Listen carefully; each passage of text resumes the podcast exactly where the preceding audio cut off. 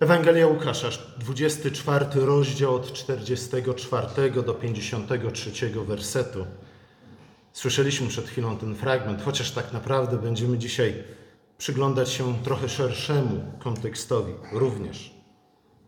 A to przede wszystkim dlatego, że Łukasz nie kończy swojej opowieści na wniebowstąpieniu Jezusa pod koniec swojej Ewangelii, ale kontynuuje swoją opowieść w dziejach apostolskich.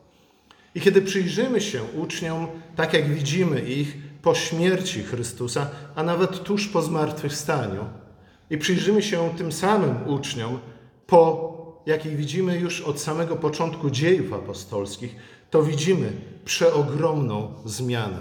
Zmianę, którą w pewnym sensie nie jesteśmy w stanie wyjaśnić i wytłumaczyć ludzkimi czysto środkami. Skąd wzięła się ta zmiana? Z jednej strony uczniowie, tak jak ci dwaj wędrujący do Emaus, są kompletnie zagubieni. Stracili wszelką nadzieję. Uciekają z Jerozolimy w strachu, w obawie przed Sanhedrynem, przed Rzymianami, którzy bardzo często i bardzo chętnie tłumili uciążliwe ruchy powstańcze, mordując nie tylko ich przywódców, ale także wszystkich wyznawców. A zatem mają wszelkie powody, aby uciekać w strachu, po to, aby ratować to, co im zostało, a więc własne życie. Ale już na początku dziejów apostolskich widzimy uczniów zgromadzonych wokół apostołów, którzy, u których widzimy kompletnie inną postawę. Są odważni. Wracają do Jerozolimy. Nie boją się ani Rzymian, ani Sanhedrynu. A kiedy Piotr i Jan stają przed Sanhedrynem i przywódcy żydowcy nakazują im milczeć i nie opowiadać nic o Jezusie Chrystusie, a tym bardziej o Jego zmartwychwstaniu, Piotr z odwagą tym razem, nie tylko z pewnością siebie, tak jak wcześniej, ale z prawdziwą odwagą i przekonaniem mówi, że należy Boga raczej słuchać niż ludzi. Co się wydarzyło pomiędzy śmiercią Chrystusa, a właśnie pierwszym wystąpieniem apostołów, jakie widzimy w dziejach apostolskich? Oczywiście powiedzielibyśmy, stąpił Duch Święty, napełniła ich moc Boża z nieba, z wysokości. Duch przypomniał im o wszystkim, co Jezus im opowiada. No dobrze, niech Duch stąpi, niech z nami uczyni dokładnie to samo. Ale z drugiej strony powinniśmy zapytać, no dobrze, ale jak? Mamy tak jak prorocy Baala nacinać się, tańczyć, jęczyć, wołać od rana do wieczora w nadziei, że Duch stąpi na nas i nas odmieni w jakiś cudowny sposób? w sensie kompletnie niepojęty, nieobjawiony nam przez Boga? Ja bym powiedział, że nie, ze względu na to, że to nie jest historia, jaką znajdujemy w Piśmie Świętym. Inni by powiedzieli, no tak, ale przed, przed zesłaniem Ducha Świętego Chrystus wstąpił do nieba. Jeden z Trójcy nie tylko stał się człowiekiem, ale teraz jako prawdziwy Bóg i prawdziwy człowiek zasiada po prawicy Ojca w niebie i rządzi. Jemu jest przekazana wszelka władza w niebie i na ziemi. I tak moglibyśmy powiedzieć, no dobrze, to w takim razie idźmy. Idźmy, piszmy listy do premiera, prezydenta, królowej Anglii i żądajmy posłuszeństwa Słowu Bożemu, co w praktyce oznacza posłuszeństwo naszemu widzimisię. Nie, nie o to chodzi. Nie chodzi tylko i wyłącznie o, o zesłanie Ducha Świętego, nie chodzi tylko i wyłącznie o wstąpienie Chrystusa do nieba i przejęcie wszelkiej władzy w niebie i na ziemi. Nie chodzi nawet tylko i wyłącznie o to, że On, Syn, posyła nas w mocy Ducha w świat. Jeśli tylko i wyłącznie na tym się zatrzymamy, to słuchajcie, więcej złego uczynimy niż dobrego. Czy to czekając na moc Ducha, i wszelkie towarzyszące temu przejawy, czy też śląc petycje do tego i owego, nic dobrego z tego nie wyjdzie, ze względu na to, że wciąż nasze oczy będą zamknięte. Wciąż nie będziemy pojmować, co tak naprawdę się wydarzyło i nie zrozumiemy tego, w jaki sposób Bóg działa w naszym życiu. A zatem przyjrzyjmy się szerszemu kontekstowi. I w tym kontekście musimy cofnąć się trochę poza ten tekst, który dzisiaj czytaliśmy, a mianowicie do tego, na czym Łukasz koncentruje swoją uwagę w relacji o wydarzeniach, jakie miały miejsce po śmierci i zmartwychwstaniu Chrystusa. Na czym on koncentruje swoją uwagę? Na dwóch uczniach uciekających ze strachu o własne życie z Jerozolimy. Jak powiedziałem, mieli wszelkie powody, aby bać się. Mieli wszelkie powody, aby uciekać. I czasami, jak pismo mówi, to jest jedyna rzecz, jaką jesteśmy w stanie zrobić. Nogi za pas i uciekać. Nie zawsze jesteśmy w stanie stanąć oko w oko z naszym wrogiem, czy też z naszymi prześladowcami. Nie zawsze może jest warto również prowokować naszych prześladowców. I nie chodzi tylko i wyłącznie o to, że pokorne ciele dwie matki śle, ale chodzi o to, że jednak jesteśmy ludźmi ograniczonymi w naszych możliwościach, w naszej mocy, a przede wszystkim w naszym pojmowaniu tego, co się wokół nas dzieje. Ja wiem, że w dobie internetu jesteśmy w stanie znaleźć absolutnie uzasadnienie wszelkiej tezy za czy przeciw, i najczęściej szukamy uzasadnienia jakich tez? Tych, które już wierzymy, tych, według których już oczekujemy. Nie zawsze to jednak jest słuszna taktyka. Ale słuchajcie, Jezus spotyka tych dwóch uczniów, którzy rozmawiając z Nim wyjaśniają Mu, że ich oczekiwania w stosunku co do Jezusa kompletnie zawiodły. Był wielkim prorokiem, czynił wielkie cuda, mówił dobre i mądre rzeczy. I, dlate, I dlatego właśnie mieli nadzieję, że Jezus jest faktycznie Mesjaszem, że rzeczywiście jest tym nowym, większym Mojżeszem, obiecanym prorokiem, który wyprowadzi Izrael z domu niewoli jako w nowym Eksodusie. W odpowiedzi na ich rozczarowanie, na ich zdziwienie, na ich strach, Jezus daje im wykład. Wykład wyjaśniający to, co Stary Testament mówił, czy też zapowiadał o Mesjaszu. Słuchajcie, to jest pierwsza właśnie wskazówka, pozwalająca nam lepiej zrozumieć, w jaki sposób to panowanie Chrystusa w niebie przekłada się na nasze, Jego ciała, panowanie na ziemi. W jaki sposób moc ducha może nas napełnić po to, abyśmy czynili, jak Jezus obiecał, rzeczy jeszcze większe niż On czynił, kiedy chodził po ziemi. Po pierwsze, musimy czytać Pismo Święte od początku do końca. Najlepiej przynajmniej raz w życiu przeczytać je ciurkiem, nie omijając żadnych fragmentów. Po to, żebyśmy później, gdy będziemy do niego wracać, do pewnych fragmentów, dokładnie wiedzieli, w jakim miejscu historii opowiadania to się znajduje. I słuchajcie, to naprawdę nie jest jakaś wyższa matematyka. Nie? To nie są macierze, to nie są całki, ani nic podobnego. To jest tak naprawdę sposób, w jaki my oglądamy każdy film, w jaki czytamy każdą opowieść, od początku do końca. Nie wyrywamy, nie otwieramy w środku na chybił trafił, szukając jakichś słów pocieszenia albo dobrych porad. Nie. Ze względu na to, że one nie mają absolutnie żadnego znaczenia i sensu, wręcz przeciwnie, jeśli zostają wyrwane z kontekstu, stają się tylko i wyłącznie pustosłowiem. Ten incydent właśnie pokazuje, jak bardzo ważny jest Stary Testament, a zwłaszcza jego systematyczny wykład od początku do końca, ukazujący nam historię Mesjasza i historię ludu Bożego. Ja bym powiedział nawet, jak bardzo ważne jest tak zwane typologiczne rozumienie Starego Testamentu, a zatem jego symboliki. Ci dwaj uczniowie znają oczywiście całą historię Jezusa, znają życie Jego pełne cudów, wiedzą o Jego ukrzyżowaniu, ba nawet słyszeli o Jego zmartwychwstaniu, ale nic z tego nie pojmują, dopóki nie zrozumieją i nie zobaczą, że tak naprawdę to jest jedna cała historia, której kulminacyjnym punktem jest śmierć, zmartwychwstanie Chrystusa. Słuchajcie, nie powinno w związku z tym nas dziwić, że współczesny Kościół z jego nie dość, że kolosalną ignorancją Starego Testamentu, ale czasami wręcz niechęcią, awersją do Starego Testamentu.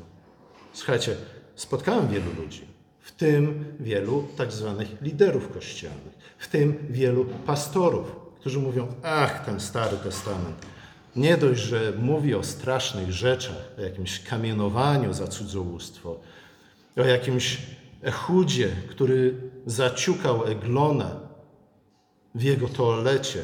Jak tak można w ogóle czytać takie rzeczy? A już na pewno dzieciom nie wolno o nich opowiadać. Tak niestety jest. Współczesny Kościół z jego kolosalną ignorancją Starego Testamentu, a przede wszystkim z kolosalną ignorancją właśnie historii, która się rozwija od samego początku, od pierwszych słów. Na początku Bóg stworzył niebo i ziemię, aż do ostatnich słów mówiących o nowym niebie i nowej ziemi, o nowym Jero nowej Jerozolimie. Niestety nic dziwnego, że jesteśmy zdezorientowani, zagubieni, a czasami wręcz przerażeni tym, co się wokół nas dzieje. Dokładnie jak ci dwaj uczniowie w drodze do Emaus. Oczywiście próbujemy różnych sposobów, żeby zamaskować to nasze zagubienie. Najlepszym z nich jest znów internet, w którym znajdziemy dokładnie wszystko, co chcemy. Na potwierdzenie czy to naszych strachów, czy też naszych nadziei. Proste rozwiązania. Wydaje nam się, że wystarczy powiedzieć, wezwać imienia Bożego i już wszystko się poukłada tak, jak powinno. Musimy odnieść do siebie, my jako Kościół, napomnienie Jezusa skierowane do tych dwóch uczniów w drodze do Emaus. O zbytnie rozumni, generalnie rzecz biorąc, głupi jesteście i leniwi w swoim sercu, by uwierzyć we wszystko, co powiedzieli prorocy. Jesteśmy leniwi i dlatego jesteśmy głupi i nic z tego, co czytamy, nie rozumiemy. A kiedy Pan Bóg posyła do nas Filipa naszego, tak jak posłał do tego eunucha z Etiopii, z Etiopii, to mówimy, o chłopie, przesadzasz. Wymyślasz coś, widzisz rzeczy, których ta nie ma. Izajasz nie mógł pisać o Chrystusie. Interpretacja typologiczna może się wydawać osobliwa, nawet bezcelowa, Często jednak, jeśli już ktoś się nią zajmuje, to niestety nadużywa jej, zwłaszcza kiedy traktuje ją jako luźną zabawę skojarzenia. Nie o to chodzi. Ja wiem, że możemy otworzyć apokalipsę i zobaczyć tam, co w dzisiejszych czasach byśmy tam zobaczyli. Palestyńskie rakiety, które lecą o tak, po prostym torze, no może nie całkiem prostym, nie? I izraelskie rakiety, które tańczą z drugiej strony. Widzieliście te zdjęcia? I od razu już nam się skojarzy to z tym, co czytamy w Apokalipsie. Słuchajcie, lenistwo serca prowadzące do głupoty każe nam dokładnie w ten sposób nie tylko odczytywać czasy, w których żyjemy, jak i treść i przesłanie Pisma Świętego. Niemniej jednak, właśnie takie czytanie Pisma od początku do, koń do końca, zwracając uwagę na symbolikę biblijną, na rozwój pewnych wątków, które non-stop powracają, a przede wszystkim na kulminację, jaką ta historia znajduje w życiu, w śmierci i zmartwychwstaniu Chrystusa, a dzisiaj powinniśmy dodać również w Jego wniebowstąpieniu, jest niezbędna dla pomyślności Kościoła ze względu na to, że jest niezbędna dla poznania Jezusa, a tym samym dla poznania Boga jako takiego i rozpoznania Jego istoty, Jego natury, tego, kim On jest w ukrzyżowanym Chrystusie. Ale słuchajcie, same słowa nie wystarczą najwyraźniej. Ze względu na to, że po tym, jak Jezus im to wszystko objaśnił, wyjaśnił, oni wciąż są ślepi. Nic nie widzą i nic nie rozumieją. To powinno nas nauczyć czegoś innego, zwłaszcza nas, powiedzmy, w naszej tradycji kościelnej. Kościół nie może się ograniczać tylko i wyłącznie do udzielania, organizowania konferencji, katechez, godzin biblijnych. Nie może stać się akademią, w której po prostu rozmawiamy o historii. Nawet jeśli ją z grubsza rozumiemy. To nie wystarczy. To nie wszystko. Nie o to chodzi. Ja bym powiedział, to prowadzi nas do oderwania od życia codziennego. Do, nie, do niezrozumienia tak naprawdę, w jaki sposób przesłanie pisma łączy się z naszym codziennym życiem. Dwaj uczniowie nadal go nie rozpoznają. Słuchajcie, ja wiem, że jestem kiepskim retorem. Wiem, że nie potrafię Wam wyjaśnić wielu rzeczy. Wiem, że może częściej wina jest po mojej stronie niż po Waszej. Chociaż kto wie, chociaż kto wie. Ale nie możemy takiego zarzutu stawić Jezusowi. Jeśli ktokolwiek potrafił nauczać i wykładać i objaśniać, to na pewno to był On. I On im to wszystko jeszcze raz objaśnił. Ba, oni byli naocznymi świadkami rzeczy, o których Jezus mówił. Ba, oni wzrastali od dzieciństwa w kontekście Pisma Świętego, a jednak wciąż ich oczy są zamknięte. To powinno być bardzo srogą przestrogą dla nas. Rozpoznają go dopiero po łamaniu chleba. I tak samo jest z Kościołem na przestrzeni wieków. Słowo bez chleba jest jedynie pożywką dla intelektu i w związku z tym nas nadyma. Czyni nas ludźmi pysznymi. Czyni nas tymi, którzy ze względu na swoje ociupinkę większe poznanie niż inni gardzą każdym innym człowiekiem. Z drugiej strony oczywiście chleb bez słowa też nam nic nie daje. Ba, psuje i niszczy nasze chrześcijańskie życie. Zamienia się w jakiś magiczny akt. Być może prowadzi nas do gorliwości, ale jak to Paweł mówi w liście do Rzymian, do gorliwości głupiej, nierozumnej. Chleb i słowo, słowo i chleb muszą iść w parze. Dlatego mówimy, że służbą Kościoła jest przede wszystkim służba słowa i sakramentu. Jedno musi być towarzyszyć drugiemu. Jedno bez drugiego nie dość, że nie pomaga, ale lecz wręcz czyni nas złymi ludźmi. Ludźmi zakłamanymi, ludźmi pogubionymi, ludźmi pysznymi. Kiedy nauczaniu pisma towarzyszy łamanie chleba, wtedy poznajemy Jezusa, który umarł na krzyżu, a jednak zmartwychwstał. To jest właśnie, ja bym powiedział, bardzo ważna rzecz. Ze względu na to, że to jest sposób, w jaki Bóg działa w naszym życiu. To jest sposób, w jaki panowanie Chrystusa w niebie może stawać się również panowaniem Jego ciała na ziemi. To jest sposób, w jaki Duch Święty napełnia nas swoją mocą. Nie naśladujmy proroków Baala w ich potyczce z prorokiem Eliaszem. Nie o to chodzi. Nie w ten sposób Duch na nas stępuje. I zobaczcie, co się dzieje w tym momencie z tymi dwoma biednymi uczniami. Dopiero co uciekali przed autentycznym niebezpieczeństwem. Teraz wracają do niebezpieczeństwa. Byli zdezorientowani relacją kobiet o zmartwychwstaniu Chrystusa, ale teraz sami stają się świadkami zmartwychwstałego. Spotkanie z Jezusem w chlebie i w słowie przygotowuje ich właśnie do tej misji. Łukasz generalnie rzecz biorąc, pisząc nie tylko swoją Ewangelię, ale także dzieje apostolskie, koncentruje się właśnie na, najpierw na misji Jezusa, później na misji Jego uczniów, Kościoła, Jego ciała. Łukasz opisuje tak naprawdę od początku swojej Ewangelii historię Jezusa jako w niebo wstąpienie. Najpierw mówi w połowie, nawet tak naprawdę w jednej trzeciej Ewangelii mówi, że kiedy zbliżył się czas odejścia Jezusa z tego świata, to jest dziewiąty rozdział, Jezus podjął nieodwołalną decyzję udania się do Jerozolimy. Wiedział, co go czeka, wiedział, że czeka go krzyż, ale wiedział, że krzyż jest jedyną drogą do królowania, do panowania. Ostatecznym celem powrotu Jezusa podróży Jezusa do Jerozolimy i aż na krzyż jest powrót do Ojca. I krzyż jest rzeczywiście jedyną drogą, która poprowadzi go z powrotem do Ojca. Jego w niebo jest warunkiem przyjścia Ducha Świętego, czyli tej mocy z wysoka. I przez Ducha uczniowie wypełnią misję, głosząc narodom pokutę na odpuszczenie grzechów.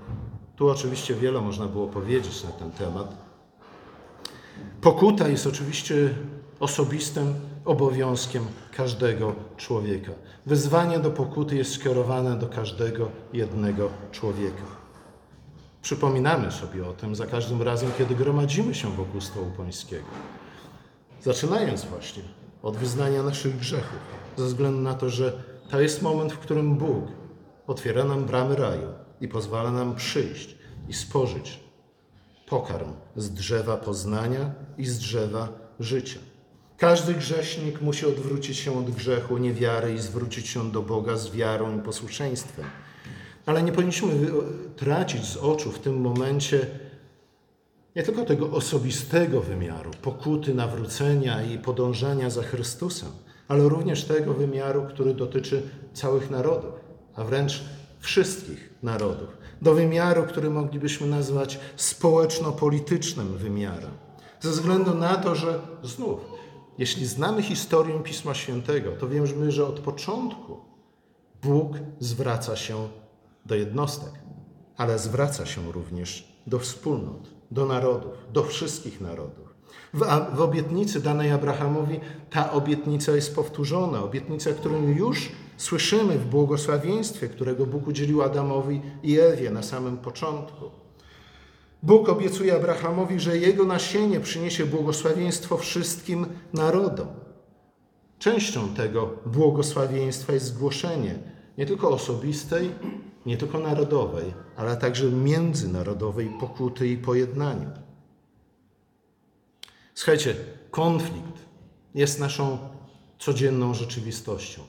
Konflikt między bliskimi, konflikty w rodzinach, konflikty między sąsiadami, konflikty między wspólnotami, konflikty między narodami.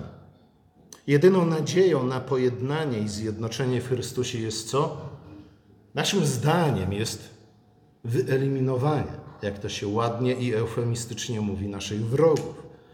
Czasami jesteśmy trochę bardziej jednak nakierowani na miłosierdzie, mówimy, ach, niech wszyscy staną się tacy jak my. I wtedy we wszystkim będziemy się zgadzać. Ale Jezus mówi nie. Jedynym sposobem do wyeliminowania konfliktów, a więc tego wszystkiego, co nie tylko przeszkadza nam w drodze do pełni królestwa, ale też sprawia, że często czynimy więcej zła w naszym życiu niż dobra. A w niektórych przypadkach nawet sprawia, że sami stajemy się wężami atakującymi cudze ogrody. Te konflikty jedynie pokuta i pojednanie jest w stanie, są w stanie wygasić. Ponieważ Kościół zna Jezusa zmartwychwstałego, a zna go właśnie ze względu na służbę słowa i sakramentów, w słowie i w łamaniu chleba. Dlatego przygotowany jest do głoszenia narodom pokuty i przebaczenia grzechów, ponieważ sam najpierw pokutuje, sam najpierw jest złamany po to, aby zostać też odnowionym na chwałę Bożą, jest w stanie pójść i głosić innym poselstwo o pokucie i pojednaniu. Podobnie jak ci dwaj uczniowie, po tym jak rozpoznali Jezusa, nie tylko w Jego słowach, ale także w łamaniu chleba, i wrócili do Jerozolimy, skąd dopiero co uciekli, tak jak i dwunastu, którzy wracają z Betanii znów do Jerozolimy. Taki my jesteśmy posłani, abyśmy wracali. Może właśnie przede wszystkim w te miejsca, gdzie tlą się różnego rodzaju niesnaski, konflikty i wojny. Ale żebyśmy byli do tego przygotowani, musimy wpierw pozwolić, aby Chrystus przez swoje sługi udzielił nam słowa i chleba.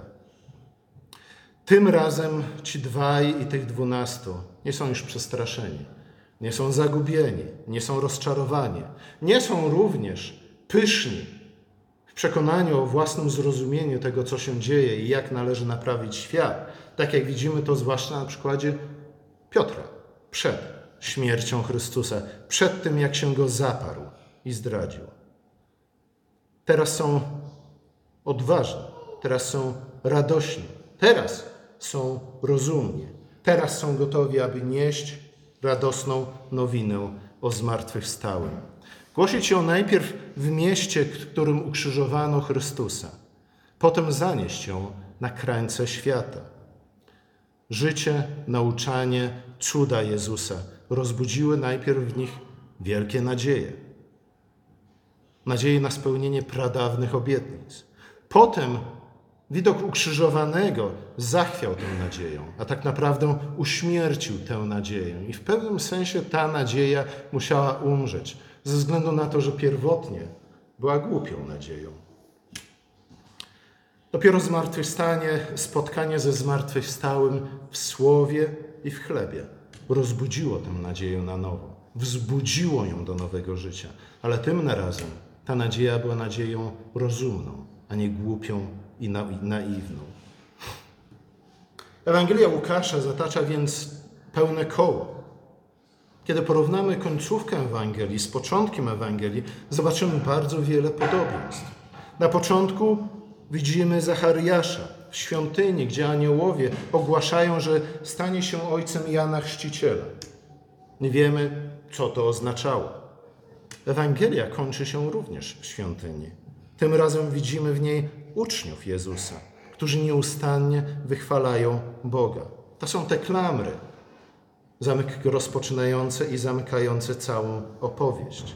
Ewangelia rozpoczyna się od pieśni Marii i Zachariasza, a kończy się wielką pieśnią radości uczniów zgromadzonych w świątyni. Na początku Ewangelii widzimy Jezusa, który zginął na trzy dni, a potem został odnaleziony. I żeby wyjaśnić swoje zachowanie rodzicom, mówi im: Czy nie wiecie, że powinienem zajmować się sprawami mojego ojca? Na końcu Ewangelii Jezus odnajduje się również trzeciego dnia i ponownie musi wyjaśnić swoim uczniom, że jego zadaniem, jego powołaniem jest zajmowanie się sprawami swojego ojca. Słuchajcie, już to pokazuje nam, że przynajmniej Ewangelia, a jak mówiliśmy, całe Pismo Święte jest bardzo dokładnie przemyślaną historią. Musimy ją właśnie w ten sposób czytać, zwracać uwagę na podobieństwa, na rozwój pewnych wątków, po to, abyśmy ją pojęli, a nie tylko i wyłącznie dekorowali nasze domy wersetami z Pisma Świętego. Nie mam nic przeciwko temu. To jest bardzo dobre przypomnienie pewnych najważniejszych fragmentów. Ale jak spojrzymy na taki werset, musimy natychmiast skojarzyć go, cały kontekst, całe tło, które się za nim kryje. Ten werset jest tylko, jak to się mówi, czubkiem góry lodowej, ale musimy być świadomi tego wszystkiego, co znajduje się pod wodą. Ale krąg, który Łukasz nam tutaj przedstawia, jest o wiele większy. Na początku historii ludzkości, na początku świata, człowiek popadł w grzech, spożywając owoc z drzewa zakazanego. Gdy Adam i Ewa zjedli owoc, co się stało wtedy? Pamiętacie? Zanim zaczęli się obwiniać wzajemnie za to, co się wydarzyło. Otworzyły im się oczy. Komu w tej historii, którą teraz czytaliśmy i omawialiśmy, otworzyły się oczy? Dwóm uczniom w drodze do Emaus. Oczy w końcu się otwierają i rozpoznają, że Jezus jest tym, który towarzyszył im w podróży. Jest to pierwszy dzień nowego stworzenia, wielkiej odnowy świata dokonanej w śmierci i zmartwychwstaniu Chrystusa. W pierwszą Wielkanoc, w dzień, w którym Chrystus zmartwychwstał, Ojciec mówi: To jest mój syn umiłowany, jego słuchajcie. On jest sprawiedliwym, który przychodzi po to, aby odnowić ten świat. Za każdym razem, kiedy przychodzimy do stołu pańskiego, w każdą niedzielę, Pan Bóg dokładnie te same słowa powtarza nam. I te słowa również rozbrzmiewają na końcu Pisma Świętego. Ale Bóg mówi nie tylko, to jest syn mój umiłowany, i tego słuchajcie, on jest sprawiedliwym, ale mówi również o to wszystko nowym czyniem. Dlatego zapewnienia, dlatego zapewnienia, z tego powodu rok w rok wspominamy żywot Chrystusa. To jest bardzo ważne, abyśmy z grubsza przynajmniej, zwłaszcza w tym okresie między Adwentem a zesłaniem Ducha Świętego, przypomnieli sobie tę historię. Ale nie tylko żywot Chrystusa, ale również przy okazji całą historię Pisma Świętego. Posłuchajcie, ta historia znajomość tej historii jest istotna dla naszego życia codziennego, dla naszego powodzenia, ale przede wszystkim dla przyszłości. Przyszłości naszych dzieci, przyszłości naszych wnuków, przyszłości całego stworzenia. Oczywiście musi temu towarzyszyć chleb, łamanie chleba. Dlatego każdej niedzieli gromadzimy się przy słowie i przy stole. Słuchajcie, ponieważ mamy tu do czynienia nie tylko z kulminacją dotychczasowych dziejów nieba i ziemi, ale również z nowym początkiem. Dlatego Łukasz kontynuuje swoją opowieść, opowieść właśnie w dziejach apostolskich, pokazując, że w pewnym sensie śmierć, zmartwychwstanie i w niebo wstąpienie Chrystusa kończą, są kulminacją historii, ale nie są końcem historii. Historia biegnie dalej. Tak naprawdę w pewnym sensie rozpoczyna się na nowo. My jesteśmy nowymi Adamami, nowymi Ewami. To do nas Bóg ponownie zwraca się z tymi słowami, które skierował do Adama i Ewy na samym początku. Bądźcie płodni, mnóżcie się, zaludniajcie ziemię, czyńcie ją sobie poddaną. I posyła nas na cały świat.